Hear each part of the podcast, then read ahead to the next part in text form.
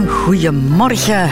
Wat een feest opnieuw in de Rotonde in Westende na al die maanden dat corona roet in het eten heeft gegooid. En dan mag ik ook nog ontbijten vandaag met een monument, een, een, levende legende. Het klinkt als clichés, maar eh, in jouw geval is het zeker toch wel waar. Goedemorgen, Jode Meijeren. Goedemorgen. Fijn dat je hier bent. Ja, het is prachtig om hier te zitten.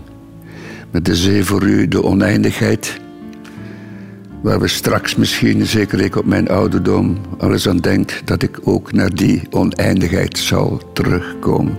Maar dat is voor tien uur, voor net voor tien uur, joh. Ah, dus daar hebben we nog, nog tijd voor. We gaan uh, jouw leven vandaag eens overlopen. Hè? Uh, jouw persoonlijke leven, maar ook um, alle mooie rollen die je hebt gespeeld. Hoewel, dat zijn er zoveel. Uh, we zullen dus keuzes moeten maken in een programma dat over keuzes gaat. Ja, 27 televisieseries toch? Mm Dat is niet niks. En zeker een, een, door de 100 theaterproducties. Mm en een aantal films. Ja, ik heb het een en het ander kunnen maken. Ja.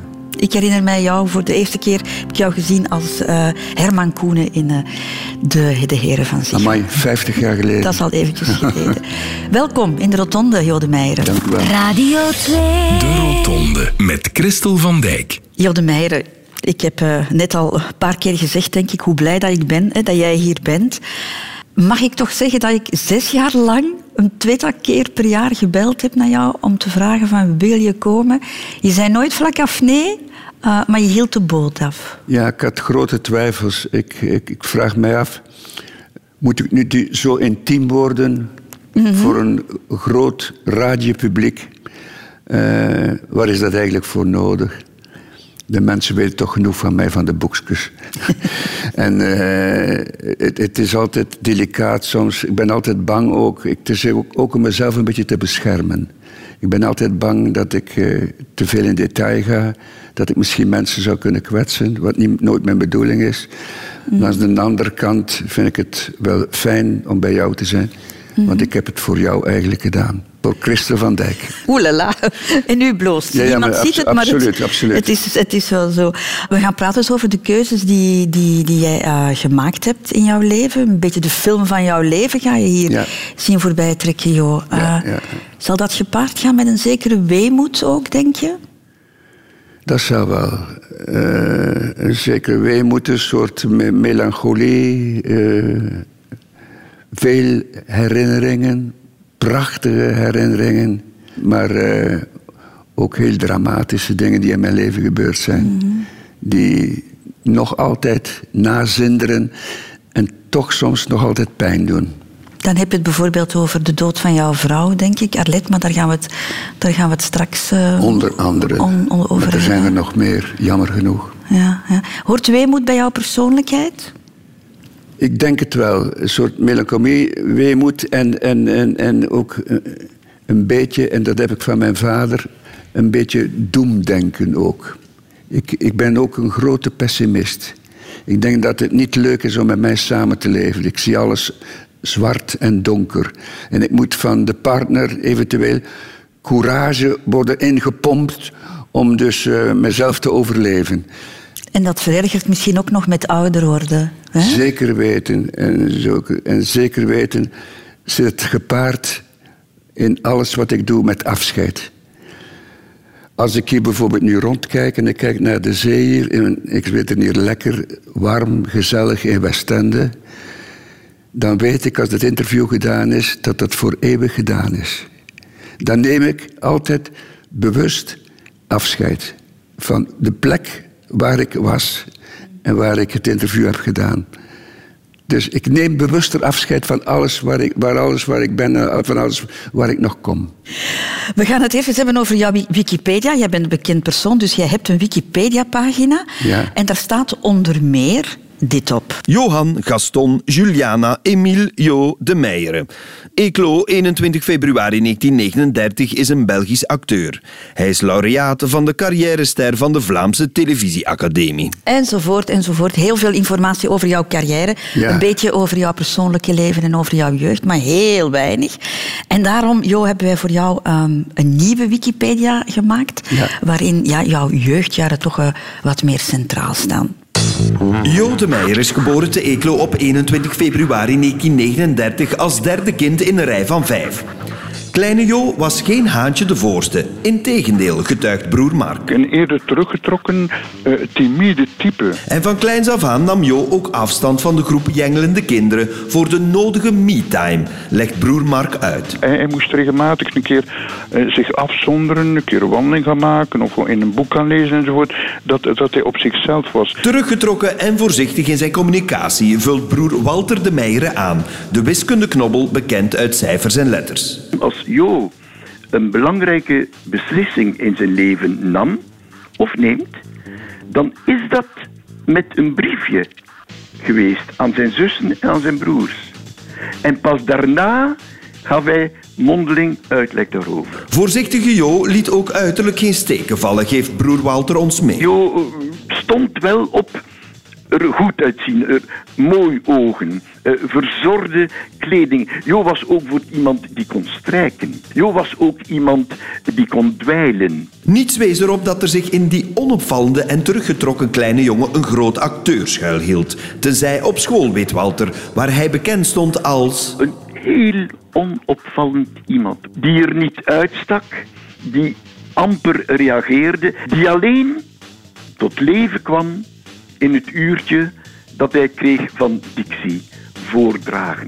En vanaf dan begon het acteertalent van Schuchter Jo zich druppelsgewijs te manifesteren, herinnert broer Mark zich trots. En een keer dat hij zich goed voelde, en bijvoorbeeld onder de vijf kinderen bijvoorbeeld, dan kon hij ongelooflijk uh, schitterend uit de hoek komen, uh, vooral met zijn imitaties. Hè. De rasacteur Jo toonde zich voor het eerst in volle glorie toen de leraar Dixie hem vroeg om de hoofdrol te vertolken in een toneelstuk op school. Oud-klasgenoot Erik Gillis van het Sint-Amandus Instituut in Gent zag Jo daar voor het eerst schitteren. Mutiny on the King. Jo speelde daarin als 15, 16-jarige de hoofdrol van de oude kapitein. Een rol flink gesminkt en gegrimeerd die hij op meesterlijke wijze vertolkte. Jo werd aangemoedigd door zijn leraar Remy van Duin, die hem in contact bracht met de Vlaamse poëzie. Ook schitterde Jo onder impuls van die leraar op de nationale De Gruiterwedstrijd voor voordracht. En dat had zo zijn voordelen, weet broer Walter. Jo had wel al succes bij uh, meisjes, omdat hij ook heel goed kon voordragen. En zo was Jo langzaam toch wel een begrip geworden in artistiek Gent. En vandaar dat sommige meisjes toch met een oogje meer naar uh, onze Jo keken. Maar Jo had vooral ook voor het acteren. Hij wou professioneel acteur worden, maar dat was buiten vader Gaston gerekend. Jo ging maatschappelijk assistent studeren, maar na zijn studies en anderhalf jaar werken trok Jo zijn rebelse schoenen aan en ging vooralsnog voordracht en toneel gaan studeren aan het conservatorium te Gent. Op het eindexamen zat vader Gaston stiekem in de zaal en sloot zijn zoon na de opvoering in de armen. En zo zou na vader Gaston ook Vlaanderen en Nederland Jo in de armen sluiten. En de rest is history. Ik zag jou een paar keer de wenkbrauwen fronsen. Je was het niet altijd eens met jouw twee jongere broers, blijkbaar. Dat overvalt mij. Vooral als mijn broer zegt dat uh, de meisjes nogal zot waren van mij. Dan weet ik niet waar hij dat gehaald heeft. Maar, maar goed, uh, laten we het zo eens aannemen. Uh, ik wou één correctie ook doen.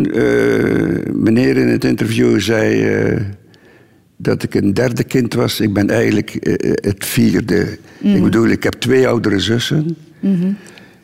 Dan kwam er een jongetje, Paul.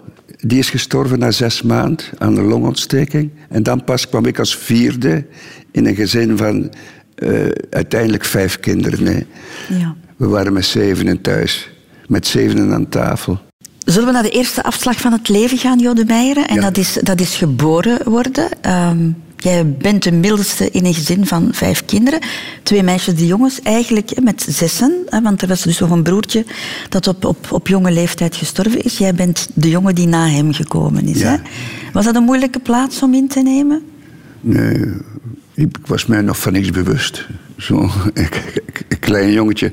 Uh, nee, we waren gewoon uh, met z'n vijven en dat heeft voor mij geen repercussie gehad. Dat er daar nog een jongetje voor zat of niet. Uh, ik was de oud, ben altijd de oudste broer gebleven in de familie. Ja, ja. Daar ben ik nog eigenlijk. Ja, hoe, hoe, hoe, zou jij jezelf omschrijven als, als kind, als, als oudste broer uh, in dat gezin? Wat voor kind was jij? Goh, dat kan ik eigenlijk eh, zo moeilijk zeggen. Dus, het is bijna 80 jaar geleden, moet ik zeggen. Dus het is zo moeilijk om, om te zeggen wat voor kind ik was. Ik was een grote speelvogel. Ik uh, was toen al eigenlijk, uh, wou ik optreden voor mensen. Als jong gastje. Iedereen moest naar mij opkijken, ik voelde dat. Uh, dat ik iets te zeggen had. En daar was ik wel fier over. Dat ik de mensen kon amuseren. Mm -hmm. dat is wel belangrijk geweest in mijn leven. Maar voor de rest een hele, hele rustige, stille jongen. Ja, dat zeiden jouw broers al, hè? Ah, ja, wat ik ook nog ben eigenlijk... Ik ben eigenlijk... Eh, ik ben heel introvert. Nu nog. Ik ben vrij verlegen. Uh, en ja, voor de rest uh, een stille jongen. Mm -hmm. Ja, dat vertelde jouw broers ook. Hè? Je had tijd voor jezelf nodig, hè? Ja, ja, ja, absoluut. En een soort, ik, altijd een soort minderwaardigheid, mag ik niet zeggen, maar toch, ja. Ik was een beetje, uiteindelijk, als, we, als ik later eh, in het vak ging en zo, een beetje het zwarte schaap. Ik voelde dat zo. Mijn broer, de ene broer die je gehoord hebt, was uh, prof van de UNIF. Heeft uh, de eerste groepspraktijk in Vlaanderen in 1971 opgericht. Dus hij was een fantastische man, uh, intellectueel, oogstaand. Mijn broer Walter, het cijferkanon uit cijfers en letters. En filoloog van beroep. Dat waren de intellectuelen voor mij. En ik was, uh, ja... Ik was de man die dat niet kon halen, dat universitair niveau. Ik heb daar, ik kon niet zeggen onder geleden, maar toch even voel je dat toch aan dat je in een minderwaardigheidspositie zit ten overstaande van je broers. En uh, ja, voor de rest kan ik daar niet, niet zoveel over zeggen. Ja, is, is, is dat, heb je altijd het gevoel gehad, ik, ik moet hier presteren, ja, ik moet, moet mijzelf bewijzen? Onze, onze vriend Einstein, die we allemaal kennen. Einstein, ik heb dat gelezen ooit, heeft ooit gezegd... Uh, de verbeeldingskracht is belangrijker dan de kennis. En dat gaf mij een beetje troost ten overstaan van mijn broers. De mannen van het, van het intellectuele, van de kennis. Tegenover de verbeeldingskracht die ik telkens nodig heb en moet oproepen om al die verschillende rollen te fabriceren. En dat gaf mij toch wel courage. Die, dat, ja, dat, dat minderwaardigheidscomplex, zoals jij het noemt, ja. heb je dat ook gehad ten opzichte van jouw collega's acteurs? Nee, nooit. Ah, nee, nee, nee, nee. Daar, daar voelde ik me echt volwaardig in. Nee, in tegendeel. Ik heb altijd het gevoel gehad, zelfs van in het begin van mijn carrière, dat de mensen en mijn collega's rondom mij heel veel respect voor mij hadden. En mij op een of andere manier, kan dat niet uitleggen waarom, bewonderden voor wat ik deed en wat ik uitstraalde. Niet alleen als persoon, maar ook als acteur. En uh, dat is, nee, dat, absoluut niet. Mm. Wat ik wel, ik kan er misschien even ter zake zeggen, met die minderwaardigheid ook te maken heeft. Ik kon ook in mijn jeugd heel hard blozen. Voor alles wat er gebeurde. Als ik ergens binnenkwam, begon ik te blozen. Als ik een meisje op straat zag komen waar ik verliefd op was, deed ik een ommetje om niet te moeten blozen. Ze noemen dat de eritrofobie, dacht ik. Eh, de, bla, de, de, de, de, de, de angst om, om, om, om te, te blozen. En eh, dat heeft mij toch ook parten gespeeld. Ik heb daar nu gelukkig bijna niet meer of niet. Uh, maar dat heeft voor mij ook meegeholpen aan dat soort minderwaardige. Dus blozen zonder reden. En dat is heel vervelend. Ik heb zelfs gelezen in een boek dat, uh, dat, dat er mensen zelfmoord doorpleegden, omdat ze daar niet over konden. En ik ben, ja, dat is eigenlijk heel privé wat ik zeg, het is de allereerste keer in mijn leven dat ik dat zeg, maar ik ben daarvoor bij een psychiater geweest. En hij heeft mij iets prachtigs voorgesteld eh, dat is de paradoxale intentie. Dus met andere woorden, je moet de, de angst en de angst om te blozen opzoeken. In plaats van, van ze weg ervan te lopen, ze opzoeken. Dat lijkt paradoxale intentie. Het opzoeken en dan kun je dat kwijtraken. En dat is onder bij mij gelukt. Ik moest dus, als ik die suggestie had gehad van de psychiater, kwam ik bijvoorbeeld in een plaats dat ik zeg, oei oei, nu kom ik binnen en iedereen gaat naar mij kijken. Jootje, zet u, rood worden, doe uw best, word zo rood mogelijk, maak er het beste van. En dan kwam ik binnen en ik werd niet rood. Ik had het, ik had het overmeesterd voor mezelf, de paradoxale intentie. Je bent wel iemand die veel nadenkt, Theo. Nee, nee maar dat, dat, dat, ja, dat, hoort bij mij. Ja. Ik, ik ben ook, uh, naast het introverte en dat minderwaardige, uh, ben ik ook een perfectionist. En dat weet iedereen. Het is zelfs zo erg nu in de coronacrisis. We liggen nu stil. Ik zit in de musical dance. Uh, we liggen al vijf maanden stil. Dat zal nog een tijd duren, vrees ik. En ja, ik, ik, ik, ik, moet er, ik moet aan wennen. En iedere dag, die vijf maand lang, stap ik drie kwartier de natuur in. En herhaal ik mijn rol, zeg ik de rol van bischop Stillemans op. Iedere dag. Als ze mij vragen, kunt je morgen optreden, zou ik zeggen ja. Zonder repetitie, ja, we gaan het proberen. Want ik heb het iedere dag bijgehouden. Heel streng, heel scherp voor mezelf. Dat ik mhm. klaar ben als ik in actie moet schieten. Ja, dat, dat, dat is eigen aan mij, dat perfectionisme. De Rotonde. Radio 2. Radio 2. Ik wil toch nog even teruggaan naar, uh, naar jouw jeugd en, en naar het gezin, hè, waarin dat jij groot geworden ja, bent. Ja, ja, een, een traditioneel Vlaams gezin, mag ik het zo prachtig, noemen? prachtig gezin. Uniek. Uniek. Met een, een moeder ik weet niet wie, welke dichter het zei. Mijn moeder was een heilige vrouw. Oh, daar zit blijdschap in die rouw. Mijn moeder was een heilige vrouw, echt. Die moest al de problemen die er in het huis waren oplossen. Moest al de zorgen op zich nemen. Moest ons beschermen, moest ons raad geven, ons adviseren.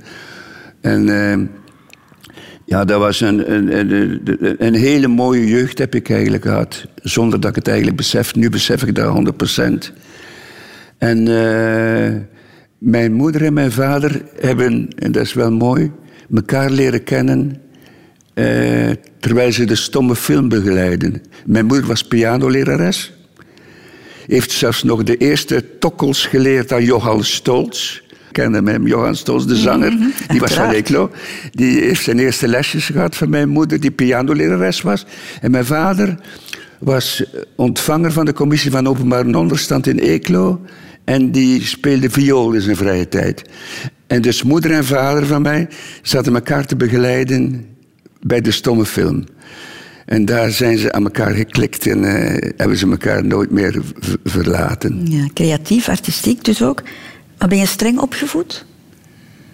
Ja, vooral uh, langs vaderskant. was een, een, heel, heel strenge man. Het moest, moest allemaal correct zijn.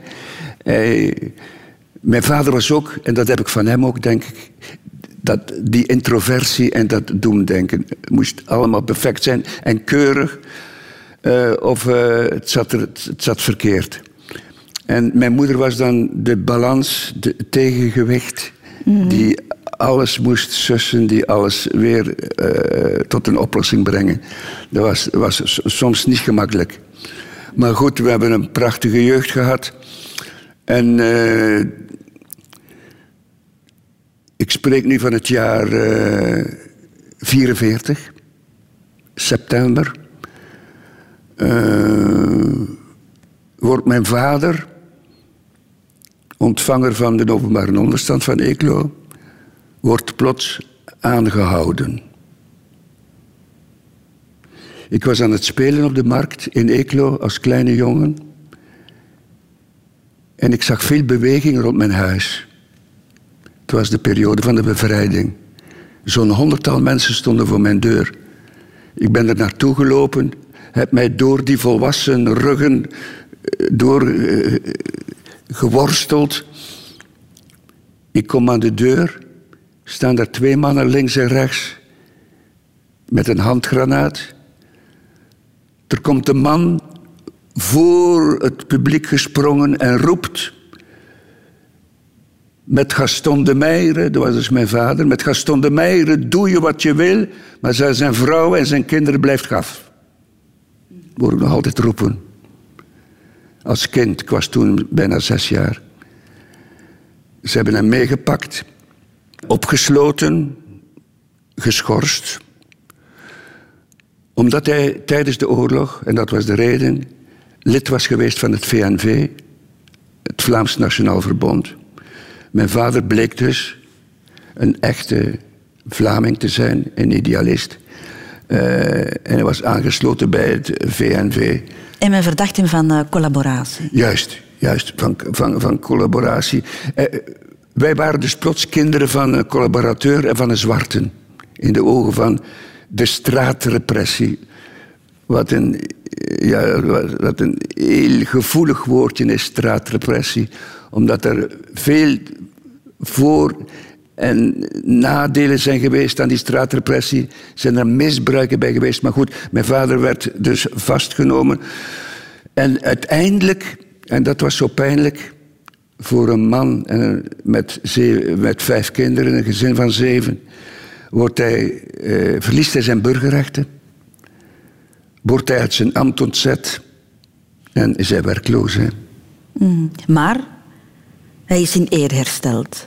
Ja, natuurlijk. In mei 46 verhuizen wij van Eeklo naar Gent, omdat in Eeklo was het niet meer leefbaar voor mijn vader.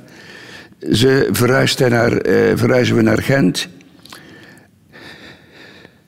Met een gezin van zeven, hij tracht er werk te vinden. Hij heeft nog een, uh, samengewerkt met een ijsfabrikant, dat is foutief afgelopen. Uiteindelijk heeft hij een plaats gevonden als boekhouder in de Laboratoria Flandria in de Kwaatham.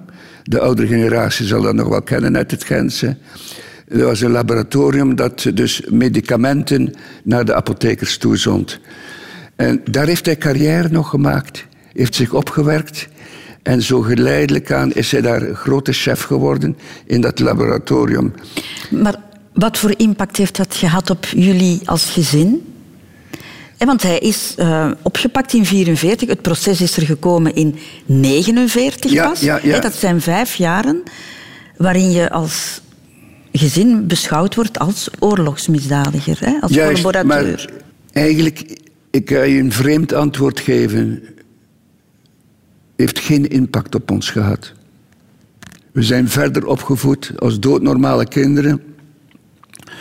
We hebben in Gent allemaal onze weg kunnen maken. Ik begrijp nog altijd niet hoe mijn vader de vijf kinderen heeft laten studeren. Dat is voor mij een raadsel nog altijd. Uh, ongeremd, onverstoord hebben wij allemaal keuzes kunnen maken in ons leven. Hebben wij, en tot nu toe heb ik dat nog altijd niet begrepen. Wij, uh, we hebben eigenlijk nooit aan onze ouders gevraagd. Wat is er precies gebeurd in die tijd? Want wij realiseren ons als kind niet wat er precies gebeurde. Maar nu, toen we ouder werden, hebben we eigenlijk nooit gevraagd 100% wat is er met u en met moeder en vader gebeurd? Leg ons dan een keer uit. Als er iemand van ons daar iets over vroeg, over naar familie, werd er over iets anders gesproken. Maar heb je in de goede trouw van jouw vader geloofd? Ja, natuurlijk. natuurlijk. Is dat nu niet raar, joh, dat jullie daar nooit over hebben gesproken? Dat dat zo'n groot vraagteken blijft, een, een groot taboe? Ja, echt, dat was een taboe, is een taboe gebleven. En eh, ik moet eerlijk zeggen, in al de informatie die ik u daarnet gegeven heb over de jaren 44, 46, 49 en zo, eh, dat heb ik te danken eigenlijk aan mijn broer Mark, die uh, op zeker ogenblik zei, dat is vier jaar geleden, ik moet de waarheid kennen over wat er met mijn vader is gebeurd. En samen met uh, een neef van ons uit Eeklo, Paul van de Woestijnen, heeft hij twee jaar gewerkt om dat op te zoeken. En heeft er uiteindelijk een boekje van gemaakt. Dat jammer genoeg voor de buitenwereld niet te krijgen is, maar eh, voor privédoeleinden. En dan eigenlijk wisten wij alles wat er gebeurd was. En ik moet eerlijk zeggen, eh, want je zult natuurlijk eh, luisteraars nu zullen zeggen, zullen er voor en tegen zijn natuurlijk. We mogen ook niet vergeten, en ik wil diep naar mij van binnen kijken en diep in het hart van mijn vader. En dan moet ik zeggen, vader, misschien is er toch iets fout geweest in het feit dat je bij het VNV bent geweest. Ik moet dat eerlijk toegeven. Die twijfel heb ik. Ten slotte, de grote baas van het VNV, het Vlaams Nationaal Verbond, was Staf de Klerk. Joden zijn een groot internationaal gevaar, zei hij altijd. En daarom zullen wij ze ten allen tijden en met alle mogelijke middelen bekampen. Dat is harde talen. En dan zei hij ook altijd: heb vertrouwen in de Führer, weet wat hij doet goed is. Goed voor Vlaanderen, goed voor heel ons Vlaamse volk. Ik kan me niet voorstellen dat mijn vader zich met zulke boodschap kon verzoenen. Lijkt mij onmogelijk. Ten andere, ik heb dat ook vernomen uit de, de onderzoeken in de archieven. Er waren twee soorten stromingen in dat VNV. Er was een stroming die meewerkte met de Duitsers. En er was er ook een kleine stroming in dat VNV dat die Duitsers niet nodig had, ze wegduwde en alleen op eigen houtje vocht voor een onafhankelijk Vlaanderen. En daar was mijn vader bij, mm. blijkt, na onderzoeken. En dat heeft ook zijn vrijheid eh, meegebracht. In 1949 is hij vrijgesproken, hij burgerrechten teruggekregen. En in de zestiger jaren, pas twintig jaar later, en dat is toch heel erg, heeft hij volledig financieel eerherstel gekregen en totale schadeloosstelling. De grootste familie. Radio 2. De keuze voor het podium. Jode Meijeren. Hebben we het ook al even kort over gehad. Hè? Die, die fascinatie, die was er al van jongs af aan. Hè? Absoluut, absoluut, absoluut. Had je dat van je ouders meegekregen? Ja, natuurlijk. Ik heb al verteld dat, dat, uh, dat ik het geërfd had. Ben ik bijna zeker van mijn vader. Die heeft mij dat doorgegeven. En uh, ik ben... Uh, ik zat in de middelbare studies toen we om de veertien dagen naar theater gingen in Gent. En ik dacht, dat moet toch fantastisch zijn om daar uw beroep van te kunnen maken. Als ik zeg, theater spelen. Allee. En dat heeft mij nooit meer losgelaten. Wie, wie, had jou eerst gesproken over conservatorium? Want wist jij überhaupt dat zoiets bestond? Dat je daarvoor kon studeren? Ja, natuurlijk. Ik had een leraar in het Sint-Amandus Instituut in de middelbare studies. En eh, die zei, Jo, zegt hij, we spelen ieder jaar theater. En Jo, zegt hij, jij zou in het vak kunnen gaan. En dat moest ik natuurlijk geen twee keer beluisteren. Dat, dat, dat was dat voor klonk mij... als muziek in de oren. En ik ben dat gaan zeggen tegen mijn vader. Mijn vader zei, no way, geen sprake van. Eerst een diploma halen. Heeft toch een inspanning gedaan, mijn vader. Hij is naar die leraar geweest, met hem gesproken over de mogelijkheden van een vak. Maar hij heeft me toch niet toegestaan om, om, om acteur te worden. En waarom niet? Uh, Want de leraar stond achter jou? Ja, een te onzeker beroep. Uh, financieel, op het zedelijke vlak waarschijnlijk ook. Het zedelijke vlak, ja? Ik, ik, ik, denk dat wel, het, zedelijke vlak. Vergeet niet, ik heb, ik heb uh, als maatschappelijk assistent een eindthesis gemaakt over het amateurstoneel in Gent en in Vlaanderen, daar rond.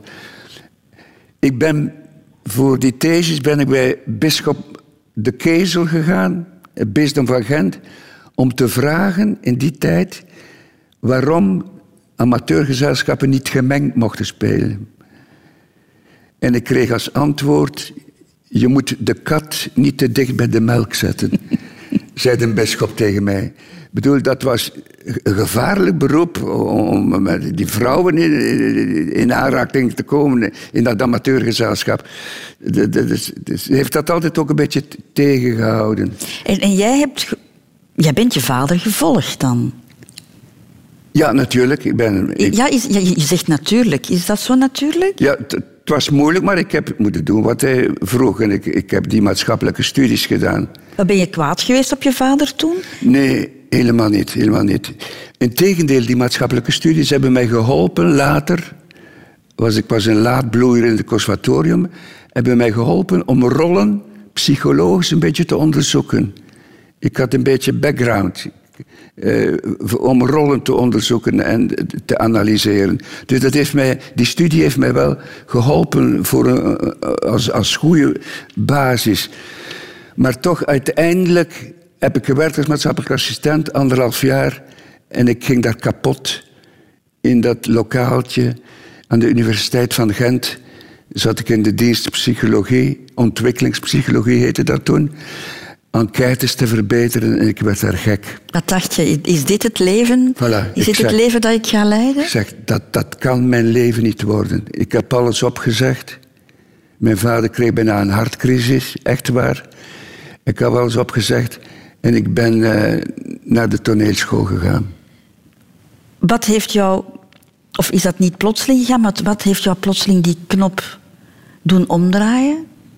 Dat je zei van, nu ga ik toch mijn eigen weg? Ik wou maar iets in mijn leven des theater spelen.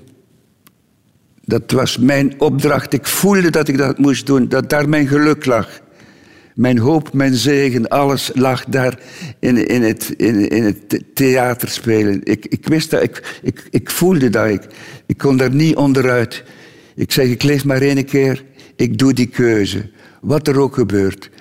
En ik heb dat ook kunnen vervolmaken natuurlijk. Ja. Hoe heb je dat thuis gebracht, die boodschap? Uh, dat was geen gebakkelijke boodschap. Want ik zeg, mijn vader kreeg bijna een hartcrisis als ik het hem zei. Mijn moeder moest weer alles tot de orde brengen. Moest weer alles goed praten. Maar ik heb uiteindelijk toch de kans gekregen. En mijn vader zei, doe wat je wilt. Zorg voor je eigen financieel. Want ik leg niks meer bij. En je ziet waar dat uitkomt. En dan ben ik overal in kleine theatertjes gaan spelen om toch een beetje aan de kost te komen. Heb ik die drie jaar conservatorium doorgemaakt. En nu komt het mooie moment. Uh, de dag dat ik mijn eindexamen deed voor een volle schouwburg in het Nederlands toneel Gent. Die middag had mijn vader verlof genomen op zijn werk. En was hij toch komen kijken.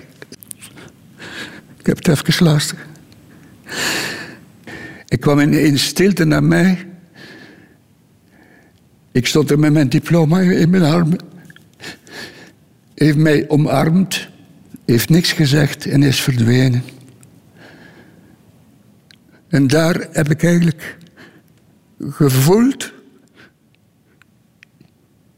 Hier ben ik als acteur op dit moment geboren.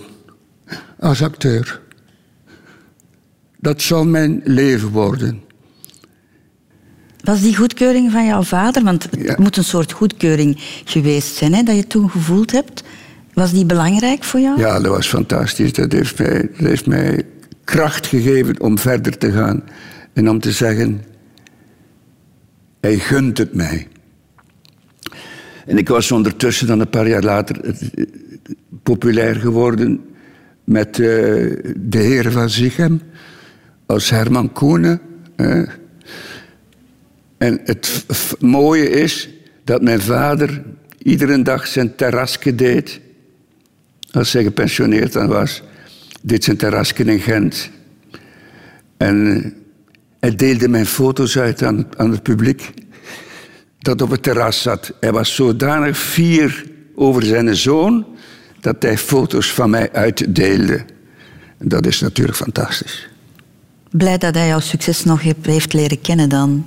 Ja, hij heeft voor, voor een stukje nog gekend. Tot 75, wanneer is hij 75 gestorven.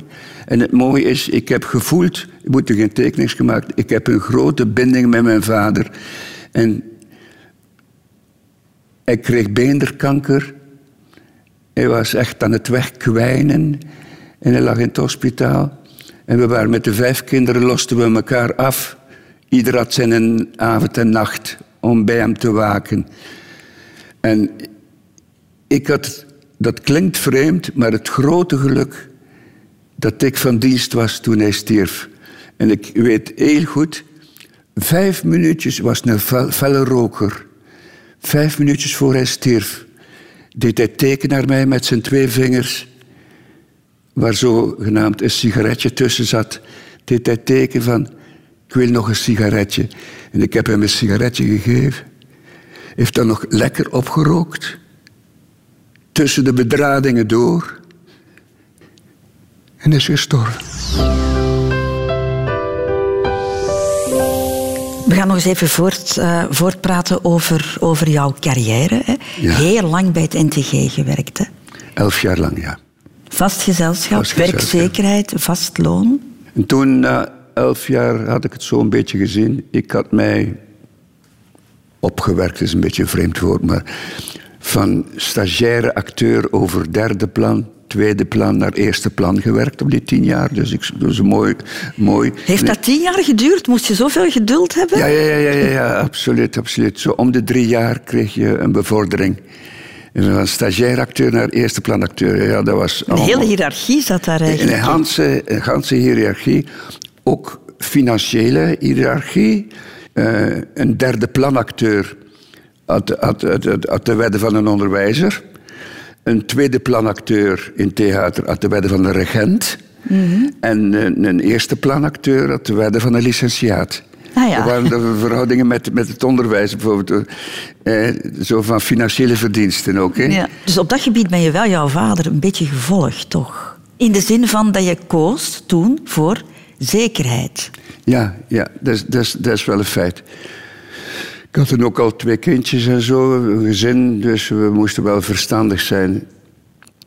En uh, ik heb daar elf jaar gezeten en uh, die spanningen waren soms te groot. Je kijkt van s morgens tot s avonds op elkaar.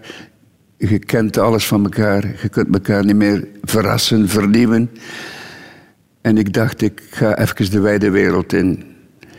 En uh, ik ben los gaan werken. Sprong in het duister. Dat moet voor jou toch niet makkelijk geweest zijn? Niet makkelijk, maar ik had wel ook een soort steun. Anderzijds van mijn vrouwke, Arlette, die ik had leren kennen in de Schouwburg. Maar ze was daar secretaresse. Dus zij is toch blijven voortwerken. Dus ik had, we hadden toch iets om op te steunen, financieel. financieel. En zo hebben we geprobeerd, heb ik geprobeerd om dus die wijde wereld in te gaan. En ik heb een, een, een drietal jaar gefreelanced. Maar ik heb prachtige jaren uh, gehad. Uh, ik heb ook mooie rollen kunnen spelen. En uh, er heel tevreden van. En ik was een jaar freelancer en ik werd werkloos. In mei. De zomermaanden. Ja, ik dacht, oei, nu komt het probleem. Voor iemand die graag de touwtjes in handen heeft en perfectionistisch is, moet dat moeilijk geweest zijn. Wat ik nu kort ga vertellen is ongeloofwaardig, maar het klopt. Mijn stempelkaart lag klaar in de keuken op tafel. En een uur voordat ik moest gaan stempelen, kreeg ik een telefoon uit Nederland. Een uur voordat ik moest gaan stempelen. De productrice van Hemert, heette, heette zij die zei: Jo de Meijeren, zou u naar Nederland kunnen komen? We zitten met een probleem. We zitten hier op een lezing van Dabo van den Herderzond en de hoofdrol is niet komen opdagen.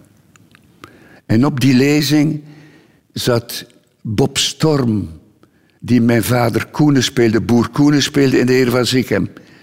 Want die zou pastoor Bonhomme spelen in Dabo van den Herderzond. En ze vroegen aan hem: Weet u niemand in Vlaanderen die eventueel zou kunnen, die rol zou kunnen spelen? En Bob Storm zei: Ik ken daar een manneke. Die heeft de Heer van Zichem gespeeld bij ons in Vlaanderen. Zo'n mager manneke met een ziekenkastbrilletje op.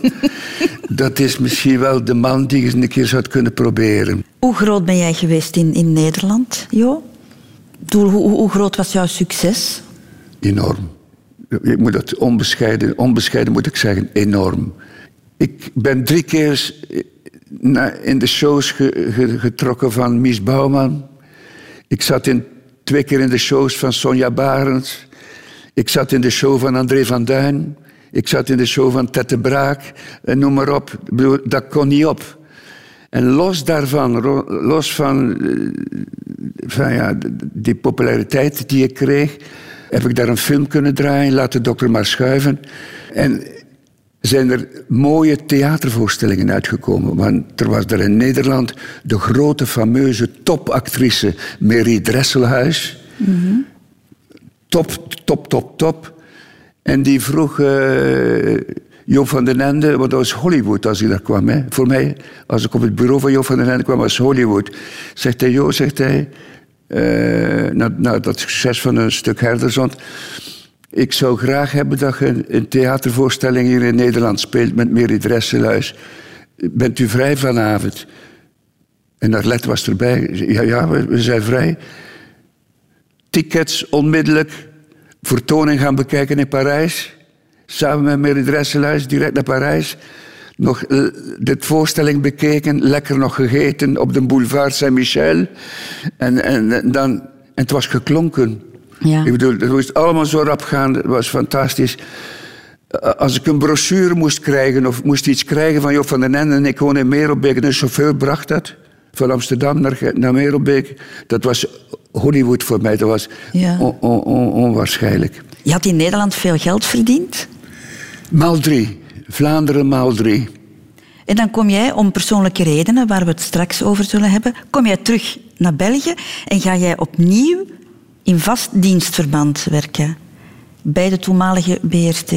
Waar, waarom? Waarom heb je niet gekozen voor de vrijheid en, en misschien meer, of misschien zeker meer, meer verdienen? Het was uh, de BRT zelf die mij eigenlijk telefoneerde, die gelezen had dat ik zou weggaan in, in, in Nederland. En uh, ik ben, uh, ja, ik heb toch beslist. Ik werd een stukje ouder ook, vond ik dat ik toch een vast financieel voordeel moest krijgen in wat ik zou doen. En uh, vandaar dat ik mij toch bij de BRT heb aangesloten. Ik heb wel gezegd op één voorwaarde, en dat is dat ik ieder jaar theater mag spelen. Anders kan ik hier bij jullie niet binnenkomen. Maar als je erop terugkijkt, Jo, heb je het idee van ik ben misschien wat te bang geweest in heel mijn carrière om voor dat vaste te kiezen?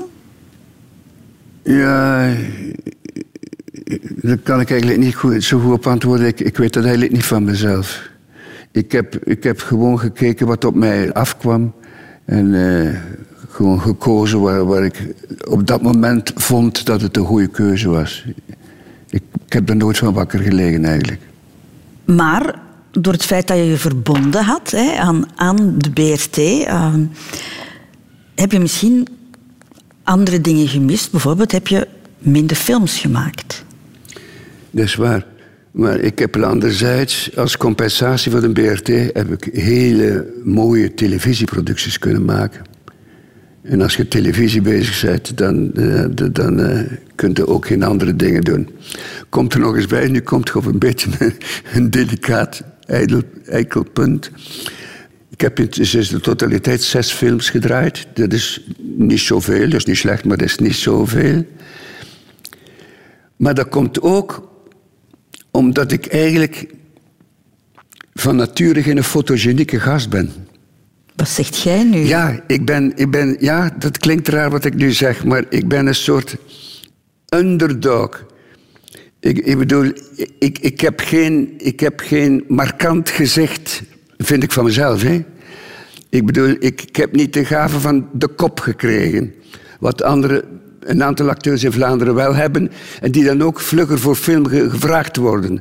Voor, voor de casting. Alleen op fysionomiegebied. Ja, Ik heb het altijd moeten halen.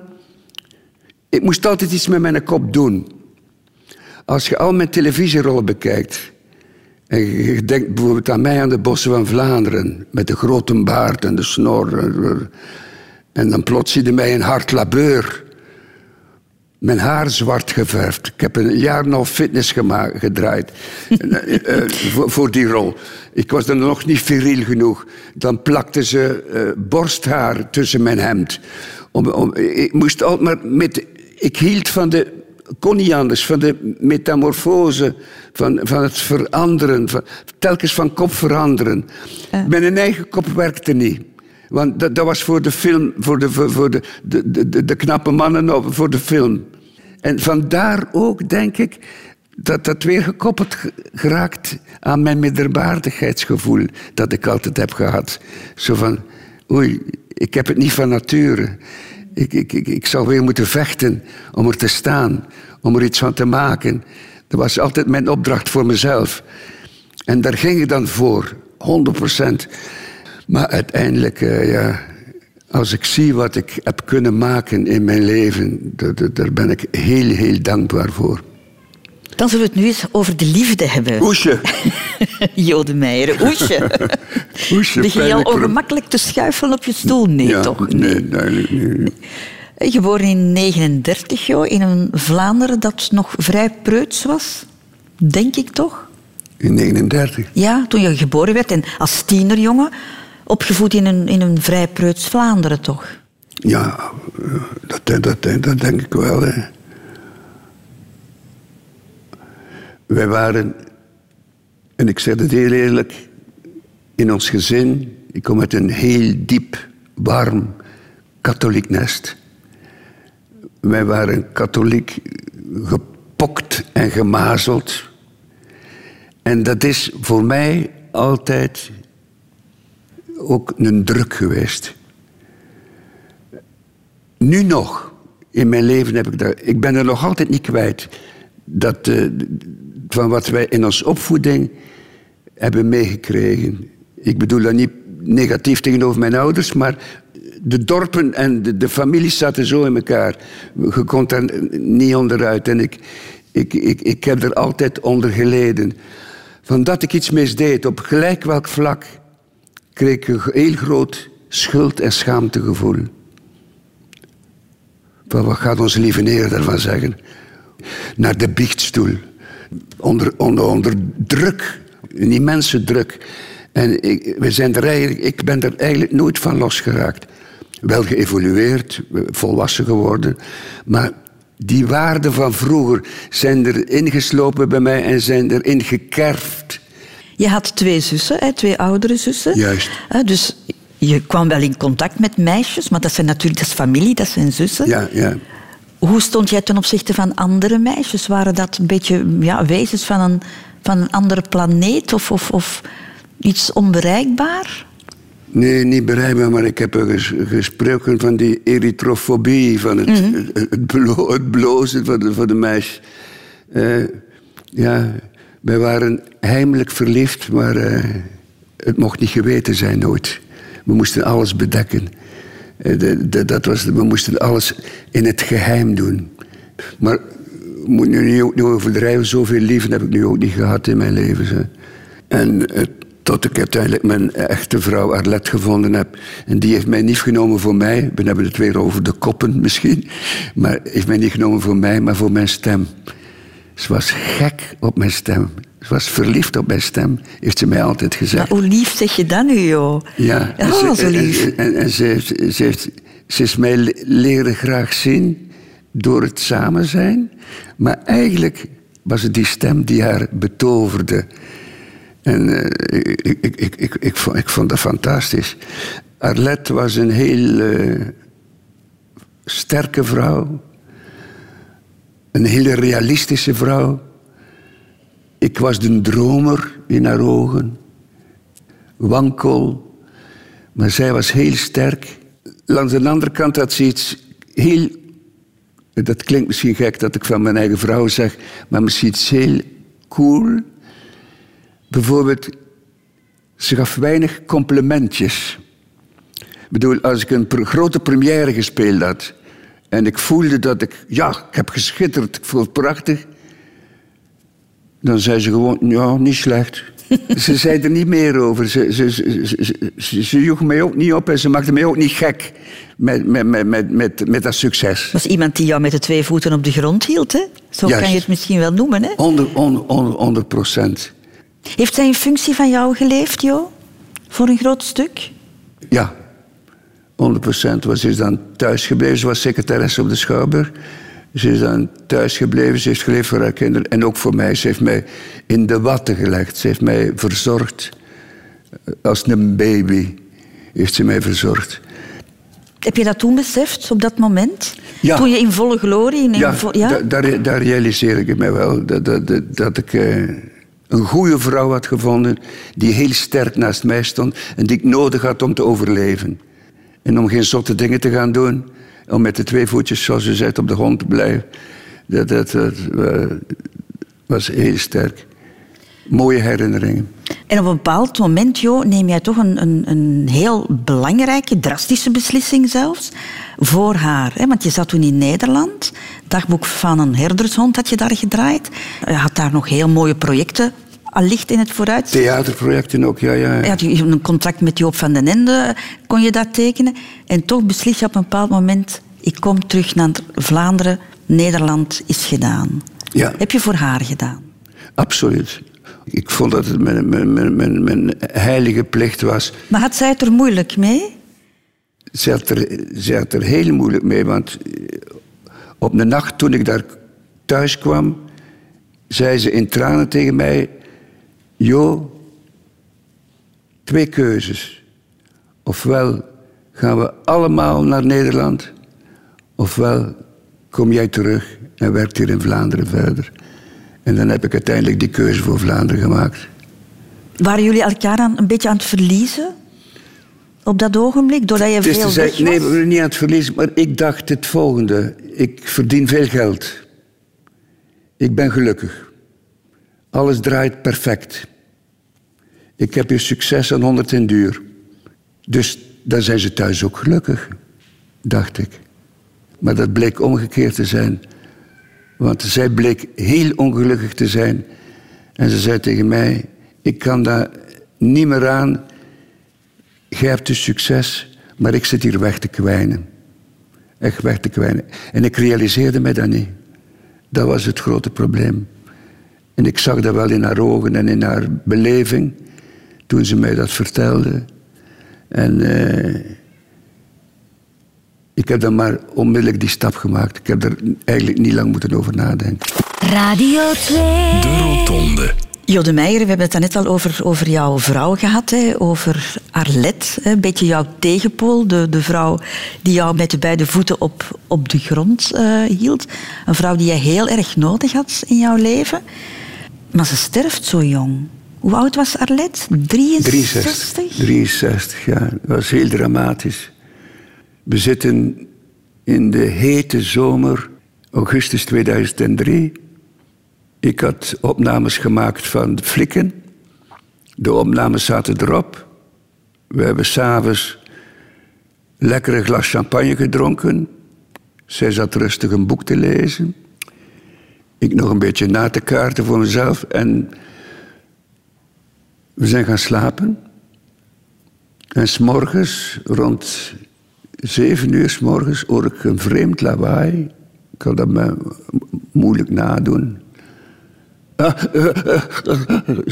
Een vrouw die plots wakker schrikt. Ik zeg, Letje, rustig, rustig, rustig, rustig, want zij was licht astmatisch. Dus uh, ik kende die ademhalingsmoeilijkheden soms. En plots werd het stil en ik voel. En het was gedaan. Ik heb direct de ambulance gebeld. En ik heb er nu nog altijd spijt van dat ik dus haar niet kon helpen met beademing. Ik vind dat nog iedereen op deze wereld zou eigenlijk de techniek moeten kennen om de mond-aan-mond ademhaling toe te passen. Had ik dat kunnen doen, had ik misschien, en dat is misschien, dat blijft eigenlijk nog, is altijd blijven hangen voor mij ook als een licht schuldgevoel van had ik dat gehad, had ik haar kunnen redden. Ik heb haar niet kunnen redden. Die ambulance is maar gekomen na een kwartier. Is heel lang. Zuurstofvermindering, hersenen enzovoort. Ze, ze zat, lag in coma. Ze heeft nog veertien dagen in coma gelegen. En dan is, uh, heb ik de kinderen samengeroepen, samen met de dokter. En hebben we beslist om haar samen te laten gaan. Want de dokter zei tegen mij: als we ze trachten te redden, is ze een plant. voor eeuwig. En dat zou zij niet gewild hebben, denk ik. Rondgereden worden in een rolstoel als een plant. En ik zou er ook niet gelukkig mee geweest zijn. Dus we hebben onder elkaar, met mijn zoon en mijn dochter, en met de dokter zelf, beslist uh, om haar te laten gaan. Wat een amputatie moet dat voor jou geweest zijn? Arlet verliezen? Ja, dat, was, dat, dat, is, dat, is, dat is afschuwelijk. Ik kon er in het begin niet van los. We, we, ik ging, we gingen altijd naar Katzand. Vele, vele wandelingen, eindeloze wandelingen samen. Dag en nacht, bij manier van spreken. Toen zij gestorven was, heb ik die wandelingen veertien dagen lang reed ik naar Katzand en deed ik al diezelfde wandelingen die ik met haar gedaan had. Ik kon haar niet lossen. Ik bleef aan haar klitten. Ik, ik, ik was ervan overtuigd dat ze achter een, een duin zou verschijnen en mij terug omarmen. Ik, ik kon maar niet begrijpen wat ik verloren was. Die eerste weken zijn heel, heel, heel hard geweest. Maar kijk, wat gaat de tijd? Het is nu al 17 jaar geleden. Ben ik alleen gebleven. Wel een keer eventjes een relatie gehad, maar toch uiteindelijk alleen gebleven. En ik moet eerlijk zeggen, ik ben momenteel toch nog, na al die miserie, toch nog een gelukkig man geworden en ook gebleven nu. Ik ben heel graag, ik heb dat geleerd, ik heb dat moeten leren, om alleen te zijn. Je moet dat ook leren. En ik, ik, ik voel me nu goed in mijn vel. Ik beslis in mijn leven over wat ik wil beslissen. Soms misschien wel een keer de harde hand van Arlet die ik mis. Maar voor de rest, ze zeggen het slijt, het verdriet slijt en dat is waar, maar het gaat toch niet weg. Klopt het dat jij na haar dood dat je echt gekozen hebt om je meer terug te trekken, meer voor een isolement te kiezen? Ja, absoluut. Ik heb me totaal, totaal afgesloten. Ik had ook geen zin meer om, om gelijk deelachtig te worden. Ik, uh, ja, met, ik ging op mijn eentje gaan wonen op een eiland voor mezelf. En uh, ik heb dat geleerd en ik, ik voel mij nog altijd zo'n beetje op dat eiland. Weet wat het probleem is? Ik ben in hetzelfde huis blijven wonen. En uh, je ziet uiteindelijk na 17 jaar nu nog altijd herinneringen aan wat je rondom u zit, wat je samen beleefd hebt. Die blijven hangen. Je kunt, kunt er niet onderuit. Misschien is dat heel raar wat ik zeg, maar als ik thuis kom van een voorstelling of van om het even wat, s'avonds of s'nachts, dan nu nog steek ik, het klinkt nu misschien belachelijk wat ik ga zeggen, maar ik steek nu nog de sleutel in dat slot en roep ik naar boven, waar Arlet ging altijd vroeg naar bed. Arlet, ben er, ben er, ben er, ben thuis. Nu nog altijd roepen. Na 17 jaar, dat is heel vreemd. Dus nog altijd de behoefte om haar bij mij te hebben. Maar het, het, is er niet meer. En dan is zo'n kreet, lijkt waanzinnig, lijkt waanzin, maar komt toch van, van heel diep. Maar je hebt je kinderen als herinnering aan haar natuurlijk. Hè? Dagelijkse omgang met de kinderen en de vier kleinkinderen. Ik heb goede contacten en ik word goed verzorgd door mijn kinderen en mijn familie. Dus uh, ik ben toch een heel gelukkig mens. Dankbaar ook, precies, hè? Absoluut. Absoluut. Maar wat ik heb kunnen meemaken, mag ik op mijn twee knieën danken. En dan is de grote vraag: wie danken wij? Moeder Aarde? Onze lieve Neer, wat ze zeggen. Ik ben er nog altijd niet uit. Jode Meijeren. Aanwezig. Mocht er een knop bestaan waar je op zou kunnen drukken om opnieuw 30 te worden, zou je dat dan doen? Nee. Het is goed geweest voor mij. Het is rond. Ik wil al die spanningen, die miseries, de mensen die ik verloren heb, waaronder mijn twee dierbare zusters, zijn nu in 2017 en in 2018 alle twee gestorven op een jaar tijd. Ik ben daar ook nog altijd niet 100% over. Over het verlies van mijn zusters, waar ik een heel goed contact mee had. Ik mis die ook nog iedere dag. Uh, maar ze blijven soms bij mij ook. Want kijk, als ik optreed. En ik doe de eerste stap op scène. Voor ik die eerste stap op scène doe. Dan zeg ik altijd. Cecile, Magda, mijn zusters. En Arlette. Help mij. Zeg, voor, voor iedere voorstelling. En dan zitten zij, zie ik ze alle drie zitten in, in mijn verbeelding. En daar stap ik op. En dan krijg ik kracht, steun, rust van hen. Ik weet het, het, klinkt weer, het komt weer uit die wereld van mij, van de verbeelding. Die verbeeldingskracht. Maar ze zijn er toch. En ze geven mij sterkte. Om op de scène te doen wat ik moet doen in zo goed mogelijke omstandigheden. Maar ik, ik, ik zou nu niet meer willen uh, jonger worden en nog een keer al die eh, overlijdens meemaken, al die spanningen.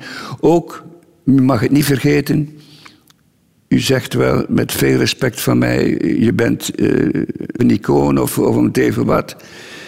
Maar los van het talent dat ik meegekregen heb, heb ik er ook heel hard moeten voor werken. Veel discipline, heel veel overredingskracht voor mezelf. Heel veel kracht geput en, en allerlei soorten dingen. Om dat perfectionisme na te streven waar ik naartoe wil altijd. En dat heeft jou veel gekost? Ja. Emotioneel? Juist, emotioneel, fysiek ook. Ik voel ook als tachtiger nu dat ik bijvoorbeeld het laatste jaar fysiek en mentaal wat achteruit ben gegaan. Ik voel dat. Het is daar niks aan te doen je voelt u ja, langzamerhand wegkwijnen van deze wereld.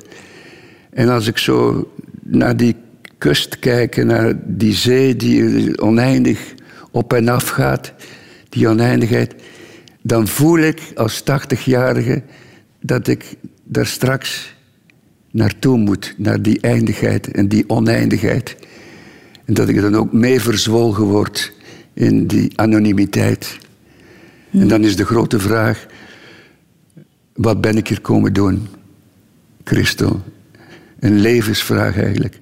Wat ben ik hier in Gods naam komen doen? Ben je daarmee bezig? Daar ben ik dag en nacht mee bezig. En dat laat mij niet los. En ik heb al gezegd, overal waar ik kom en waar ik naartoe ga, dan overal waar ik ben, neem ik afscheid.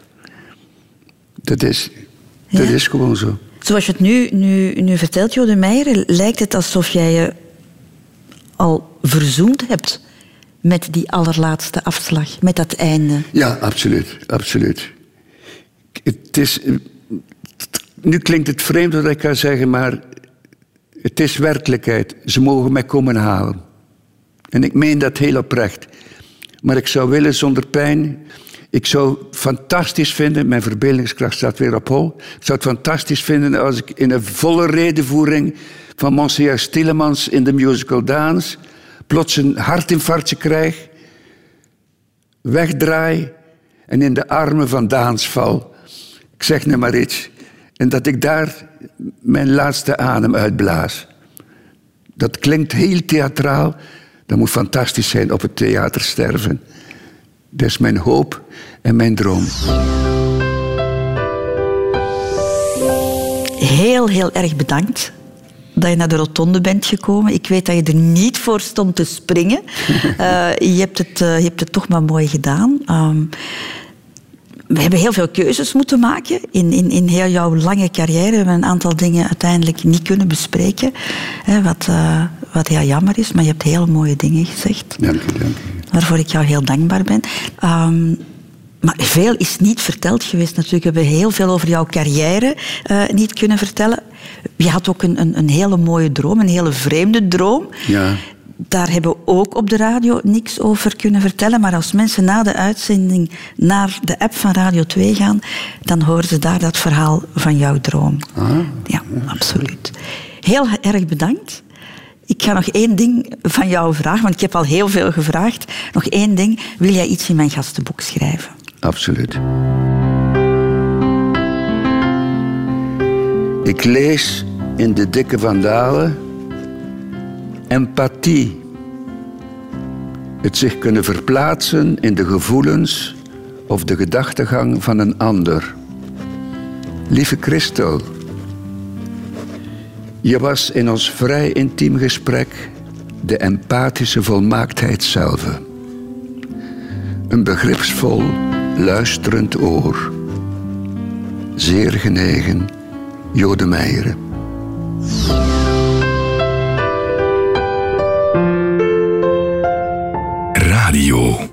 Twee.